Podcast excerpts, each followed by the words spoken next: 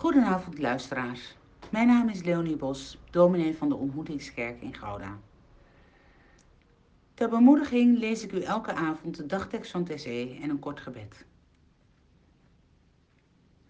Paulus schreef, de hele schepping zucht nog altijd als in barensweeën. En ook wij zuchten in onszelf in afwachting van de verlossing van ons sterfelijk bestaan. Vader in de hemel, veel mensen gaan eenzaam hun weg.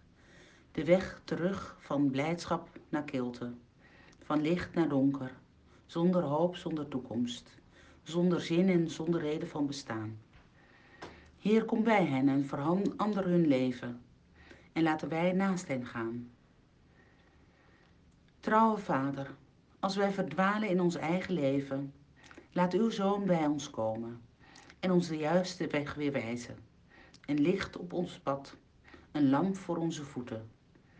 Zijn woord brengt ons terecht, zijn liefde brengt ons thuis. Vader van Jezus Christus, wij danken u voor uw Zoon, onze reisgenoot, onze metgezel, gast en gastheer tegelijk. Hij breekt met ons het brood. Hij schenkt de wijn voor ons in. Hij is overal onze vriend, de weg, de trouw en het leven.